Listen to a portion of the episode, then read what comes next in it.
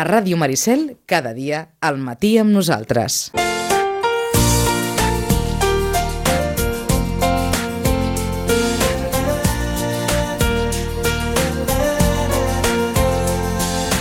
I és que fa 15 dies no vam poder tenir-la. Eh, avui la tornem, la tornem a tenir aquí a la Marta Sánchez des de la Biblioteca Popular Santiago Rossinyol. Marta, bon dia. Hola, bon dia. Eh, doncs eh, entenc l'agenda plena, ja preparació de, de Nadal gairebé, que el tenim aquí, aquí a la porta. Algunes recomanacions i un consell també, oi? Sí, sí, sí, una, una novetat important. Uh -huh. I és que a partir de... Bueno, és un recordatori, de fet, perquè ja, dia, ja, ja fa dies que s'estan rebent missatges sobre aquest tema i és un recordatori. A partir de demà, 1 de uh -huh. desembre, demà ja és 1 de desembre. Sí. Doncs de demà de desembre... Demà, demà. Sí. Eh, el PIN, el PIN que s'utilitza per validar-se en els serveis en què cal validació de les biblioteques, ara ho recordarem, eh, es canvia, s'ha de canviar perquè el que hi ha ara, que per defecte és la data de naixement, un format de data de naixement, ja no serà vàlid. Llavors, expliquem tot això per fer aquest recordatori i que ningú es trobi doncs, de voler accedir no, als serveis que necessiten aquesta validació i no poder accedir. Si uh -huh. es dona el cas, que sàpiguen que és per aquest motiu.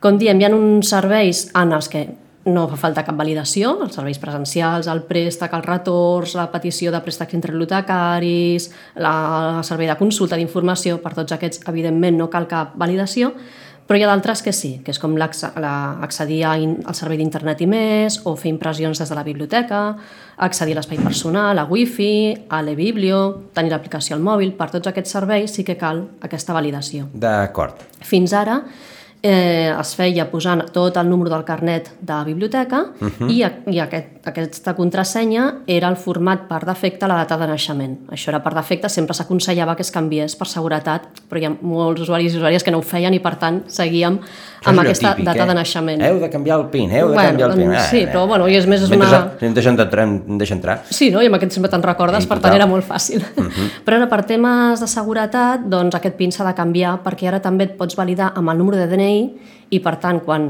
la validació és número de DNI i que la contrasenya sigui la de naixement, és seguretat zero. Per tant, per això s'ha de canviar aquest PIN.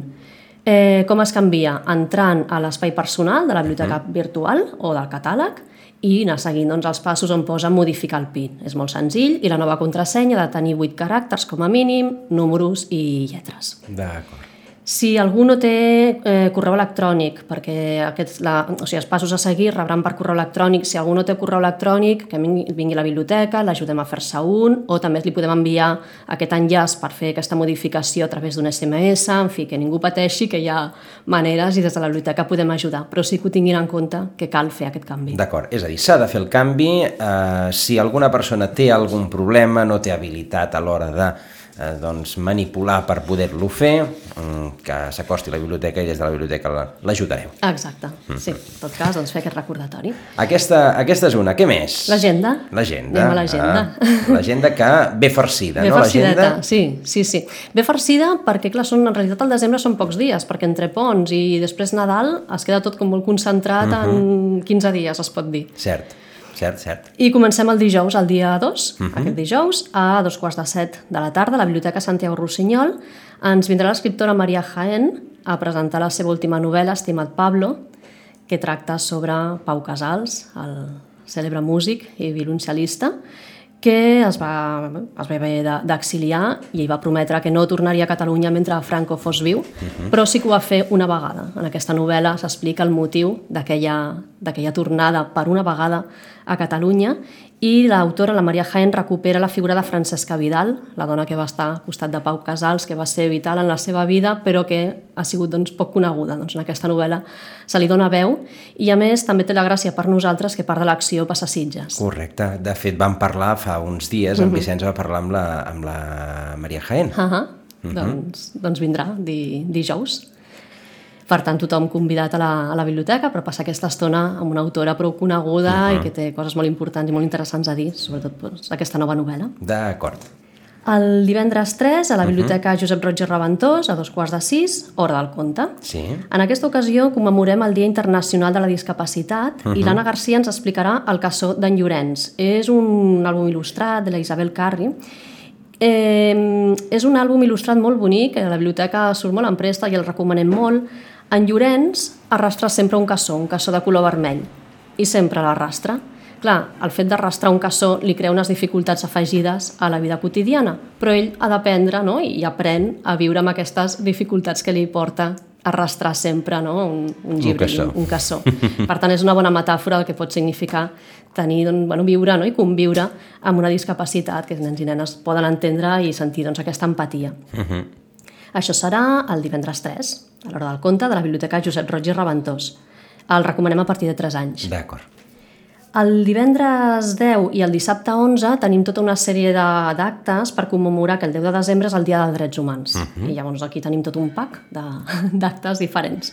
Per una banda, el divendres a les 11 del matí, una hora poc habitual, però que en tot cas també obrim possibilitat de, de fer coses pels matins. El divendres 10 a les 11 del matí, a la Biblioteca Santiago Rossinyol tindrem una xerrada col·loqui sobre la figura de Salvador Pàniker, i el seu activisme i compromís per aconseguir un nou dret humà, que és el de l'eutanàsia. Per tant, és un tema molt actual, sempre compromès i sempre interessant de saber, no? de, de conèixer més sobre aquest tema. Anirà a càrrec de la Gine Albadalejo Sánchez i la Isabel Alonso Dávila de l'Associació Dret a Morir Dignament de, de Sitges. Això anirà acompanyat d'una exposició, La mort digna il·lustrada, que la tindrem al pati de la biblioteca del 9 al 17 de desembre. El divendres 10 també, a les 6 de la tarda, a la Biblioteca, Santiago Rossinyol, tindrem la presentació de l'Agenda Llatinoamericana Mundial del 2022 amb una sèrie de xerrades diferents eh, sobre bé, doncs, temes relacionats no? amb, amb l'economia, l'ecologia, tots aquests temes no? de comerç just, la declaració dels drets humans, doncs serà un, un seguit de, de quatre xerrades uh -huh i serà el dia 10 també, a les 6 de la tarda. A les 6, no a dos quarts, que és l'hora habitual, sinó a les 6 en aquesta ocasió. En tot això, també a la, el divendres 10 a les a dos quarts de 6, a la Biblioteca Josep Roig i Reventós, una nova Hora del Conte, com cada divendres, tocats de l'ala, a càrrec de la Rosa Pinyol. En aquesta ocasió tenim un corral molt revolucionat perquè les gallines, els pollastres, els capons i els ànecs han dit prou als ous, als brous, a les sopes i als rostits. Mm? Sí, tenen tot el dret, també. Mm, mm. Llavors com els fem, oi? Ah, a veure. alternatives. Dissabte 11, a les 11 del matí, a la Biblioteca Josep Roig i Reventós, una nova Hora del Conte dintre, dins de- no, d'aquest- d'aquesta activitat emmarcada dins de la Fira d'Entitats Solidàries per commemorar, com dèiem, el Dia dels Drets Humans. Una hora del conte que es titula Contes per sucar i pa, a càrrec de Toni Massaguer. I seran això contes on aquest pa que sucarem ens donarà un incentiu de la, per a la reflexió, el pensament, l'autocrítica, revisar les pròpies actituds, per tant aquests contes no, que també al darrere tenen alguna cosa més que la història, que l'anècdota en si. D'acord. I el mateix dissabte a les 12, a la Biblioteca Josep Roig i Reventós, també un documental d'Amnistia Internacional que es titula 18 més 1, un jovent que camina. Um, les dades oficials ens parlen de més de 3.000 joves no acompanyats a Catalunya, però aquests joves qui són? No? Tenen nom i tenen cognoms i tenen una història al darrere i tenen uns sentiments i tenen unes dificultats i tenen unes inquietuds. En aquest, en aquest documental, Amnistia Internacional doncs, tracta això, no? de, que els menors estrangers no acompanyats són persones amb drets que cal respectar i que no, aquests nens, nenes, joves que creuen fronteres. Uh -huh. I que tenen un, un mal nom donat Sí. i per tant no el repetirem, eh? però Mhm, exacte. eh, doncs menor, menors estrangers no acompanyats. El dilluns 13, a la Biblioteca Santiago Rossinyol, a dos quarts de set, tenim una altra presentació, en aquest cas un llibre de poemes d'August Bové, uh -huh. titulat El contagi. Anirà a càrrec de l'autor, amb l'Alba Gàmiz, que és la il·lustradora d'aquest llibre, i el Francesc Gil Lluc, que és l'editor de l'editorial Saldonar.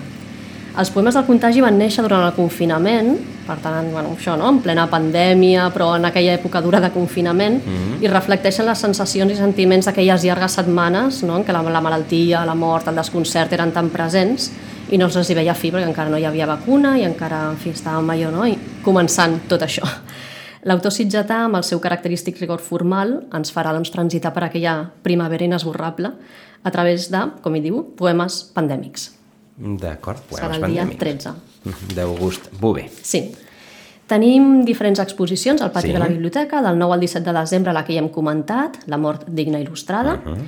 i del 13 de desembre al 9 de gener, a les vitrines de la Biblioteca Santiago Rossinyol, el grup passabrista de Sitges, de Sitges, com ja és habitual, ens fa una proposta cada any diferent, no? que sembla que els pessebres sempre siguin el mateix, un pessebre és un pessebre, i en canvi ells doncs, sempre li treuen la punta i busquen no, diferents enfocaments. En aquesta ocasió, els pessebres del TVO. El TVO, aquell, el TVO, el TVO de tota la vida dels que l'hem conegut. TVO. Exacte. Per Nadal, durant molts anys, a la part del darrere de la contraportada hi havia un retallable que eren figures de pessebre. I llavors es retallava, no? i amb un trucalat doncs, podies fer la cova, la Verge Maria, Sant Josep... Doncs cada any eren diferents, amb il·lustrats, no? en fi, per, per il·lustradors. En aquesta mostra que tindrem a la biblioteca, doncs, hi haurà aquests tradicionals pessebres de paper retallables que es publicaven en aquesta, en aquesta publicació, en el TVO, i acompanyada també sobre, de llibres sobre el Nadal. D'acord. Interessant, també. TVO, els pessebres del TVO. Exacte. Uh -huh. A partir del 1 de desembre, a la Biblioteca Santa Rossinyol, a la sala infantil, tindrem una, una exposició de les il·lustracions originals d'un àlbum il·lustrat que es diu Veïns, d'Ignasi Blanc i Ana Aparicio Català, de l'editorial Babolinca, books que fan unes coses precioses, l'editorial Babolinca. Aquesta exposició és el complement, es complementa amb un taller que farem el dia 20, ja, ja el, ja l'explicarem millor, però com que fa falta inscripció prèvia per a aquest taller, doncs ja ho diem. Serà el 20 de gener, però s'ha de fer inscripció prèvia. Veïns és un àlbum il·lustrat, com dèiem, publicat per l'editorial Babolinca, i en aquest taller ens acompanyarà l'Ignasi Blanc, que és el, un dels autors, i ens explicarà com, com va ser no, el procés d'aquest llibre, que està fet a quatre mans. Es farà una lectura en veu alta i per acabar es farà un taller utilitzant les mateixes tècniques que van fer els autors per elaborar aquest llibre. D'acord. Llavors, com que cal l'inscripció prèvia, ja ho anunciem. Doncs queda, queda anunciat, això és pel 20 de gener, sí, sí, el però serà el 20. que la gent doncs, mm -hmm. ho, tingui, ho tingui també present. Exacte. Més coses amb inscripció prèvia, tornar al pujar al tren, anem mm. per la sisena edició, i a partir també de l'1 de desembre els nois i noies que es vulguin apuntar de 9 a 13 anys doncs ja tindran el tren en marxa per pujar a la parada que vulguin, baixar les parades que més els hi agradin, uh -huh. anar llegint i anar marcant el seu bitllet, no? aquest, aquest bitllet de, de tren, en què s'hi marquen tres lectures, tres parades, i després entraran en un sorteig. D'acord. Eh? Però uh -huh. poden fer totes les parades que vulguin i fer el viatge tan llarg com vulguin. Uh -huh. Hi ha diferents línies, la de l'humor, la de l'aventura, la de la por, terror, i cadascú doncs, pot triar la seva línia, fer els transbordos que vulguin, o fer uh -huh. un viatge ben lliure i ben divertit. D'acord. Doncs el, el puja al tren a partir de demà, no? Exacte, uh -huh. sí, eh? es poden inscriure.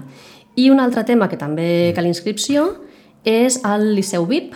També tornem, tornem a recuperar, a part de les xerrades sobre òperes que es fan cada mes, tornem a recuperar la sortida al Liceu. Mm. Serà el 26 de gener, uh -huh. el dia de l'estrena de Picobaya Dama de Tchaikovsky, i bé, doncs això és el dia de l'estrena. Tenim entrades amb localitats en molt bon lloc, uh -huh. al segon pis, a la zona 3, per qui conegui el Liceu, però en tot cas són de les millors del teatre eh, i amb un preu especial per qui s'apuntin amb, el, amb el Liceu VIP. Mm, serà el 20 de, 26 de gener, per tant pot ser un regal de Reis.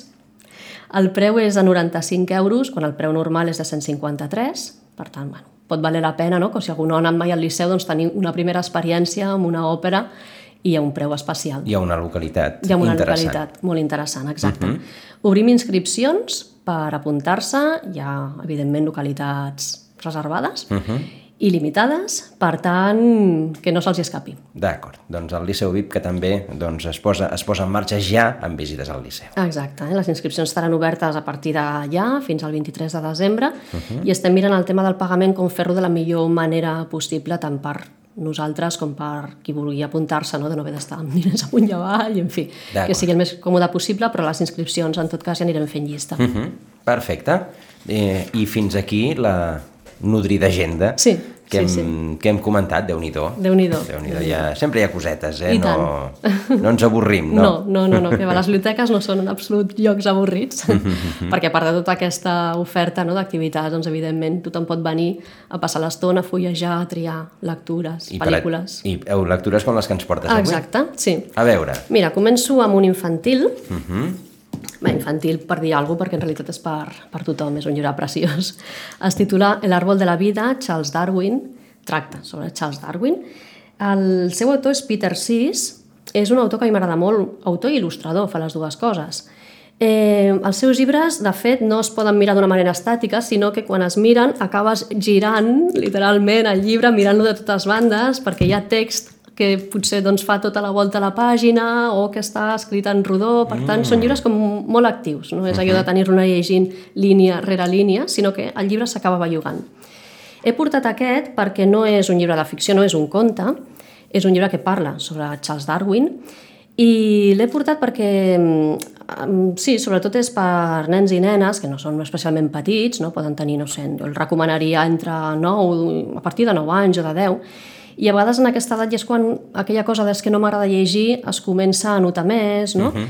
I mm, per a aquests nens i nenes moltes vegades un llibre que no és de ficció, que no és una història que comença i que acaba, els resulten molt més còmodes i molt més, no diré fàcils, però molt més atractius, per és això, no? perquè si els hi costa seguir tot un argument no? o una història més llarga, doncs en aquest tipus de llibre, que també estan il·lustrats, que estan, tenen una qualitat molt, molt bona, però en aquest tipus de llibre la informació és com més compartimentada, pots saltar-te d'un capítol a l'altre, uh mhm. -huh. és com veure un documental i, per tant, si enganxes un tema que els interessi, pots trobar aquest punt de que s'ho passin molt, molt, molt bé amb un llibre que no sigui de ficció. D'acord. Uh mhm. -huh és una, un de tants que tenim a la biblioteca perquè realment es fan meravelles de, del que són llibres de, de coneixements. No? En aquesta ocasió, l'Arbol de la vida parla això, no? com diem, sobre la vida de Charles Darwin i va explicant doncs, des, des de què va néixer, qui eren els seus pares, qui eren els seus avis, per tant, no? quina herència va tenir per arribar a ser qui, qui va ser, els seus germans, les il·lustracions, totes tenen així forma com molt arrodonida i, I és això, que no és, no és lineal, sinó que pots anar saltant, mirar un lloc, mirar l'altre, girar, mm, passar pàgines, mirar cromos, és, és totalment, a cada pàgina t'emportes una sorpresa, uh mhm. -huh. perquè és totalment diferent a cada pàgina repassant la vida de, de Charles Darwin, en unes lletres que fan forma d'onada, que has d'anar girant, que has de llegir una miqueta del revés, hi ha pàgines que es despleguen, per tal, visualment és un llibre molt, molt atractiu, el contingut està molt ben cuidat i, en fi, que qui se'l miri doncs, acabarà sent un expert en aquest important personatge. D'acord, doncs El árbol de la vida, de l'autor? Uh -huh. Peter Sis. Peter Sis, doncs aquest... Eh, eh, que és un llibre, diguem, de, de format eh, més gran de, de l'habitual, eh? seria costant-se la 3, per entendre. Sí, és eh? com un format com d'àlbum il·lustrat, mm -hmm. i... però no és un conte. Què més? I porto una novel·la també uh, de Jean Chenós, autor francès, molt, molt conegut i reconegut, el seu títol és Vida de Gerard Filmart. Aquest protagonista, aquest, aquest Gerard Filmart, ell és una persona que és maldestra, podem dir. És molt maldestra, les coses li surten malament, és, per dir-ho així, xapussero. Uh mhm. -huh. maldestra, no? Seria. Um, ell es queda a l'atur i per reinventar-se, no? o sigui, s'ha de reinventar com a única sortida, posa, decideix posar una, una oficina de detectius. Ell no té ni idea de ser detectiu ni d'investigar res i els primers casos que li arriben són de riure. Tots són doncs això, no marits que, que volen investigar les seves dones o que han desaparegut i al final mm, ell acaba fent el que pot però mal fet. Però en tot això es veu enredat l'enreden en tota una trama on al mig hi ha partits polítics, hi ha un segrest d'una dona, en aquest cas, també, eh, i ell es va, es va veient, sense, sense voler-ho, es va veient enredat fins al coll. És un, és un personatge que al final doncs, bueno, és d'aquests no? que, que calen, que, que arriba a ser doncs, com un prototip, que està molt ben vestit, Eh, I tracta això no? també de la, de la corrupció, de la política, de les enganyifes, no? i aquest pobre, aquest pobre home pues, que es troba enredat amb tot això i ell se'n vol sortir el millor que pot. Uh -huh. És un llibre que és novel·la policíaca però no deixa de ser una sàtira també de les novel·les policíaques i ens fa passar doncs, molt, molt bona estona. D'acord. Com es diu el llibre? Dies? Vida de Gerard Filmart. Doncs una altra de les recomanacions i em sembla que ja, sí, acabem les recomanacions aquí perquè, perquè estem a punt d'acabar el programa, però bé, són molts, molts, molts els llibres recomanables que, que poden trobar sempre a les, a, a les biblioteques, eh, els poden anar, poden consultar-los, poden llegir-los a la biblioteca o si no se'ls emporten a casa, oi? i els llegeixen amb, amb, molta, amb molta més eh, tranquil·litat perquè sempre hi ha moviment, oi? Sempre hi ha moviment. I tant. Ja s'ha recuperat el moviment, ja no... Clar, al recuperar horaris s'està uh -huh. recuperant uh, també, no? Però sí, moviment n'hi ha hagut i de fet és que, clar, com recordem, no? que vam obrir des del 2 de juny, que vam obrir i sempre, dintre uh -huh. de les possibilitats, hi ha hagut moviment. Anava a dir, hi ha, hi ha res, en, en 10 segons, la gent, la, la gent se, se, es queda com es quedava abans o encara... Sí, de fet, és que des que vam obrir, una de les peticions, em puc quedar? Vull dir que aquesta, sí, les ganes de quedar-se, de passejar, de poder agafar els llibres en, amb les, no, de, de les prestatgeries directament, va ser des del dia 1 quan no es podia però la petició i les ganes van estar I des del principi. Sempre, sempre s'han vist les biblioteques com un lloc segur i uh -huh. bueno, hem, hem treballat perquè ho fossin. Doncs perfecte. Doncs, sí, esperava, esperava la sintonia, perdona, Albert. No, no, és que no estava mirant aquí. No. Doncs ara sí que ho és. Bé, ho he, ho he mirat malament, ho he mirat malament. Uh, Marta Sánchez, moltes gràcies. Gràcies. Ens, ens saludem d'aquí a 15 dies de nou, amb, Perfecte. amb l'agenda ja gairebé de Nadal de la, de la biblioteca, i a tots vostès també moltíssimes gràcies. Uh, que passin un molt bon dia i fins demà.